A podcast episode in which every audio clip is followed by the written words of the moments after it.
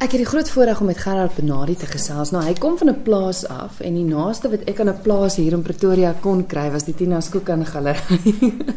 baie welkom op RSG Kuns Gerard. Lekker om met jou te gesels. Baie dankie. Gerard, vir my baie interessant. Jy het 'n wiskundige agtergrond, maar ons gaan nou kom by jou liefde vir musiek. Vertel net gou eers vir my die pad met wiskunde, hoe, hoe dit gevolg het. Ja, ek het uh wiskunde gestudeer op universiteit, uh natuurwetenskappe en uh gehou van wiskunde en aangegaan daarmee en op 'n stadium by die WNR begin werk en toe later by die RUE as dosent. Maar intussen het ek altyd uh van God gespeel. Ek het in die Promusica orkes gespeel en uh, op 'n stadium het ek net gedink ek hou meer van musiek as van wiskunde, ten minste van die beroep. En toe het ek oorsee gegaan na Duitsland. Ek het daar in 'n in 'n kerkorkes gespeel vir 10 jaar lank en as vryskut van God is gewerk. Hoekom teruggekom Suid-Afrika toe? Ja, dis eintlik moeilik. Ek het lank uh, gewonder uh, wat ek wil doen verder. Na 10 jaar moet 'n mens natuurlik 'n besluit maak, wil jy permanent daar bly of nie?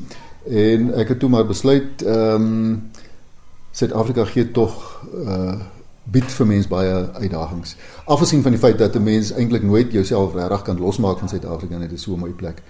Uh maar ook uh, spesifiek in die musiek bied dit vir mense die uitdaging dat daar nog baie te doen is hier en spesiaal in in my gebied van vroeë musiek is daar lê daar 'n braak land voor jou. Uh en dit is die rede hoekom ek teruggekom het. Ek het 'n seminaarsentrum by my plaas uh Deelfontein in die Vredefort Koepel uh begin opbou en ek bied nou al sedert 2008 daar uh, seminare in vroeë musiek aan. Verduidelik gou vir my en die luisteraars wat is vroeë musiek? Dis eintlik uh 'n naam wat 'n bietjie misleidend is want vroeë musiek of early music of ancient music uh laat mense onmiddellik dink dat jy besig is met musiek wat jare en jare en eeue gelede geskryf is. Dit is natuurlik ook waar, maar eintlik gaan vroeg, die hele vroeë musiekbeweging meer daaroor dat 'n mens die musiek in sy oorspronklike konteks maak. Uh ek dink ek gaan eers net 'n voorbeeldjie gee. Kom ons veronderstel ons het 'n groepie jazzmusisië wat uh een aand bymekaar kom in 'n nagklub en hulle uh, wil wil speel. Nou ons weet almal hulle het nie regtig musiek nodig nie. Al wat hulle oor ooreenkom is die toonaard waarna hulle speel en daar's 'n redelike vaste akkoordprogressie waar volgens hulle werk dat hulle dan almal georiënteerd is. Ehm um, hulle speel hulle konsert. En nou is ons 300 jaar later in 'n in 'n musiekwetenskaplike ehm um, ontdek miskien die stukkie papier waarop die basspeler die akkoordprogressie neergeskryf het. En hy moet die musiek wat hulle gemaak het rekonstrueer. Nou ons kan almal sien dis 'n onbegonde taak. Mm. Al wat hy het is 'n akkoordprogressie. Nou dit is min of meer die situasie waarvoor ons staan as ons uh, kyk na musiek wat 2 300 jaar gelede geskryf is. Uh daar het ons gewoonlik daarom uh, nog die die note. Miskien het jy nie eers al die al die parte nie. Ehm um, dit was nie gebruiklik in daardie tyd om enige dinamiese tekens in te sit nie. Ehm um, jy weet nie wat die instrumentasie was nie. Die probleem is ons weet nie hoe die musiek geklink het nie. Nou eh, tot onlangs uh, middel van die vorige eeu het mense die die musiek gefoon gevat en gesê wel, hier is die note, kom ons speel dit.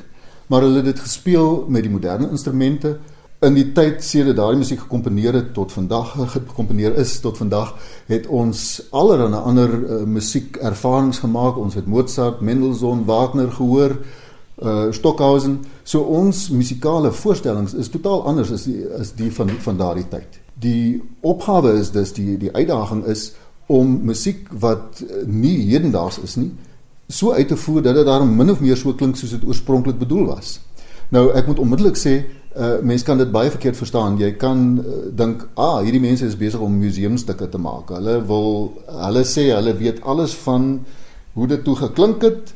Ons het die wysheid in pag en ons sê vir julle as ons nou hierdie Bach-kantate speel, dis hoe dit geklink het. Dis glad nie glad nie waar nie. Niemand kan dit regtig doen nie. Mm. Maar dis nie 'n onbegonde taak nie. Daar's baie uh, interessante leidrade. Mense kan byvoorbeeld kyk na die instrumente wat toe gebruik was. Ons weet hoe hulle gelyk het, nie almal nie, maar meeste van hulle.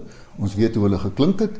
Daar is baie goeie uh dokumentasie van musiekwetenskaplikes van die tyd wat vir jou gesê het, hoe moet jy hierdie uh stuk fraseer? Hoe moet jy uh, hoe moet jy die ding uitvoer? Wat was die musikale voorstellings van die tyd? So so uh, daar's uh, daar's 'n hele studie rigting het ontstaan om uit te vind wat was die musikale opvattinge van die tyd en natuurlik die instrumente self sê vir jou hierdie ding kan jy nie doen nie. Daardie ding moet jy so doen want die instrument wil dit nie anders doen nie. Dis baie interessant dat jy praat van die instrumente want jy sê nou die instrumente het anders gelyk in daai tyd. Het dit soveel verskil van van die instrumente wat ons vandag ken? O ja, sekerlik. Uh, ek speel nou van God mm. en ek speel al die historiese van God instrumente ook. Die die eerste een was 'n dulcian. Uh, dit kom van dolce wat soet beteken. Ja. Uh omdat sy voorganger 'n uh, redelike luide kras ding was. En dit is byvoorbeeld 'n uh, instrument wat uit een stuk hout gemaak is. Die moderne uh, van God het vier dele wat in mekaar steek. Uh dis uit een stuk gemaak met met twee gate ingeboor wat verbind is onder. Hy het net twee kleppe, die res moet jy alles met jou vingers doen. Uh hy klink daarom jy sal herken dit is 'n ding wat soos 'n van God klink, maar uh sy intonasie is totaal anders. En intussen was daar 'n hele paar ander dan was daar die barok van God omtrent elke 40 50 jaar het die blaasinstrumente veral redelik uh ontwikkel soos die tegnologie ontwikkel het en dan het hulle ook uh volgens die musikale voorstellings uh, verander. In die renessans tyd het die mense van helder briljante klanke gehou, in die baroktyd het hulle van gedempte subtiele klanke gehou. Uh so elke paar jaar net soos ons in die in die klere modus of in die motormodus agterkom dinge begin nou verander het daar ook in die musiek verskillende uh modus uh ontwikkel. Is die ouer instrumente redelik beskikbaar? Dis natuurlik 'n groot probleem. Nee, hulle is nie. Uh, soos ek sê, ek het nou 4 van God instrumente wat almal natuurlik 'n bietjie duur is. Uh, die oomblik as ek uh saam met ander mense wil speel, dan moet hulle natuurlik ook hulle hulle ou instrumente hê. Op die oomblik is my ehm uh, doelwit om ten minste 'n uh, barok oboe ook in die hande te kry want dit is 'n instrument wat om, omtrent al die musiek nodig is. Mm. Uh by die strykers is dit 'n bietjie makliker. Uh jy kan daarom 'n uh, moderne viool afstem na die regte stemtoon want dit is natuurlik ook 'n uh, 'n uh, saak wat mense in gedagte moet neem. Die stem stemtoonhoogte was nie altyd dieselfde nie. In die baroktyd was dit laer en in die in die renessanstyd was dit baie keer hoër as vandag. En dit maak 'n verskil aan die aan die uh klank natuurlik ook. Die die strykers kan desnoods net afstem en dan is hulle ten minste by die regte stemming, maar uh, as jy nou uh, verder gaan dan moet hulle eintlik dermsnare gebruik wat al die klank tot 'n groot mate verander. Hulle gebruik ander uh, strykstokke wat uh, ander tegniek nodig maak. Uh, so elke instrument het eintlik sy spesiale uh, vereistes as jy uh, volgens die historiese uitvoeringspraktyk wil musiseer. Ja, luister na RSG Kuns en ek gesels met Gerard Benadi oor vroeë musiek en ook vroeë instrumente. Hoekom is dit belangrik dat dat mense moet weet van vroeë musiek en instrumente. Ons gaan nou kom by die kursusse wat jy aanbied, maar oor die algemeen vir my en Jan op straat, hoekom is dit belangrik? Ja, dis natuurlik 'n baie uh, debatteerbare saak. Hoekom is dit belangrik om oor enigiets iets te weet? Ehm uh, miskien is die maklikste en miskien banaalste antwoord gewoon mense moet daarom kennis neem wat in die wêreld aangaan. En in die westerse uh, kunsmusiek, ernstige kunsmusiek is is vroeë musiek ingeburger. Dit het in die vorige eeu al in die in die 50er 60er jare begin met met voorlopers soos Gustav Leonard, hy was 'n klaviersimbelspeler. Uh die Kuikenbroers uh, van uh, Nederland, hulle was uh strykers. Hulle het net agtergekom man as ek Bach se partituur vat en ek speel hom met 'n moderne orkes, dan klink dit net vervelig. Dit wil net nie werk nie. Uh mense het dit natuurlik gedoen. En daar was in daardie tyd so 'n opvatting van die van die naai masjien Bach. Die mense het gedink Bach moet jy absoluut in tyd speel, daar mag geen agogiese afwykings wees nie. En dit was nou te, byvoorbeeld een van daardie soort van voorstellings wat uh, wat mense net gehad het, hulle het geen grond daarvoor gehad nie. En met die tyd het dit toe nou uh, verder gegaan, mense het begin lees wat uh, die vroeë musiekwetenskaplikes ook geskryf het oor musiekuitvoering byvoorbeeld Mozart se pa, Leopold Mozart, het het baie dokumente, wel baie boeke geskryf eintlik oor uh, hoe die musiek uitgevoer moet word. Uh en dit het 'n hele studie begin raak wat die musiekuitvoering uh, amper totaal omgegooi het. Mense se oë het begin oopgaan en toe hulle nou begin het om ook die instrumente te gebruik, toe kom jy agter daar's 'n hele nuwe klankwêreld en skielik begin die musiek ook sin maak. En dit is eintlik die rede hoekom ons daarvan moet kennis neem want dit is 'n nuwe musiekervaring. Ons weet almal uh verveling is 'n groot probleem in omtrent enigiets wat 'n mens doen. Jy probeer uh die mense by jou konserte kry en jy wil vir hulle natuurlik 'n wonderlike ervaring bied. Uh maar as hulle in die slaap raak, het jy geval. So 'n mens moet uh, as musikant moet jy ten minste kennis neem van hierdie ding want dit kan jou uitvoering van musiek met ander woorde jou roeping eintlik uh, tot 'n baie groot mate uh, beïnvloed. Die musiekseminare wat jy aanbied, is dit spesifiek dan vir musikante? Ja, ek uh, besluit uh, op 'n program wat ek wil aanbied. Ek uh, nooi iemand 'n uh, deskundige uit uh, gewoonlik in die laaste tyd was dit Nederland, Oostenryk en Duitsland uit uh, wat dan die ding lei en wat 'n wat 'n deskundige op historiese uitvoeringspraktyk is. Uh, daar is mense in die omgewing hier Johannesburg, Pretoria, Bloemfontein wat belangstel in die saak en dan kom ons bymekaar en ons studeer die program in en almal leer natuurlik geweldig. Dan is daar natuurlik ook konserte. Die konserte is nie regtig die hoofsaak nie, maar dit help natuurlik uh vir die mense net om konsertervaring te kry. En een van die groot probleme in Suid-Afrika met vroeë musiek is uh daar's nie regtig enige motivering of insentief vir professionele musisië om hulle self in die rigting te bekwam nie. Jy moet nou weet hulle moet ure spandeer om uh, dinge in te studeer, hulle moet miskien 'n ander instrument koop. Dis uh, dis 'n uh, tyd en geldelike uh, belegging wat hulle moet maak en as daar nie werk is vir hulle in die gebied nie, hoekom sal hulle dit doen? Uh en dit is ook uh, die rede hoekom my kursusse meestal uh bygewoon word deur amateurmusisi of uh natuurlik nou ook professionele musisi wat belangstel, maar daar's maar min van hulle en ek ehm um, probeer dit ook so bietjie na die jeug stuur want ek weet dit is waar dit gaan vandaan kom. 'n Mens moet eintlik uh, jong mense kry wat uh, wat regtig geesdriftig is oor die saak en wat sê ek wil nou 'n barok instrument speel.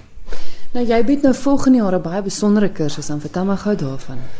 Ja, ek het verlede jaar 'n uh, kursus van musiek van Schütz, Heinrich Schütz aangebied. Sy datums is 1685, 100 jaar voor Bach tot ehm um, 17 76 dink ek hy 86 jaar oud geword die man. Baie beroemde uh komponis wat meestal kerkmusiek geskryf het. En uh dis wonderlik om sy musiek te gebruik want dis 'n goeie voorbeeld uh vir die andersheid. Jy het natuurlik sy sy bladmusiek, jy kan sy partituur kry en jy kan dit natuurlik met moderne instrumente speel, maar eintlik moet jy dinge soos 'n kornet gebruik wat totaal ongebruiklik is vandag. Dis uh, ek kan dit uh, baie kras beskryf as 'n blokfluit met 'n trompet mondstuk.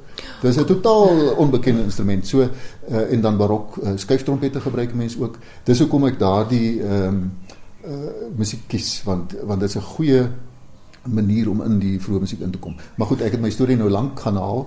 Die dirigent van daardie kursus was Norbert Brandhauer en hy is een van die dirigente van die Weense Seenskoor. Uh, hy het dit geweldig geniet. Ons het 'n wonderlike konsert gehad en uh, hy is betrokke by 'n uh, vroeë musiekkursus wat normaalweg uh, normaalweg in Innsbruck in Oostenryk aangebied word. Toe het hy gedink, wel, hoekom bied ons nie volgende jaar daardie hele kursus hier in Suid-Afrika aan? En dit is wat nou gaan gebeur. Daar kom sover 39 Oostenrykers uh, hiernatoe. Uh, ek dink dis die tweede week van Februarie en ons gaan weer eens uh, vroeë musiek doen. Ons gaan nie net shoots doen nie, Monteverdi, die Lasso ensovoorts. En uh die kursus is oop vir enige iemand wat belangstel, wat wil sing of wat uh, skuiftrompet of kornet.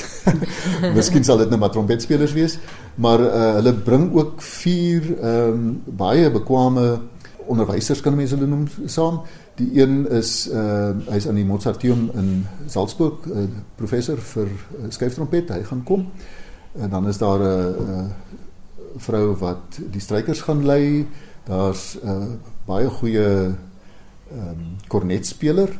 Ek het uh, baie hoop dat daar mense gaan wees wat lus is om kornet te leer want daar's sover is daar een jong man in in die Kaap wat uh, wat vlerige jaar by 'n projek van my kornet gespeel het. Maar verder is dit 'n totaal onbekende instrument hier. Ja, en dan gaan ons vir 'n week lank 'n uh, eh, program instudeer. Ons gaan konserte hou aan die einde en dan is dit verby.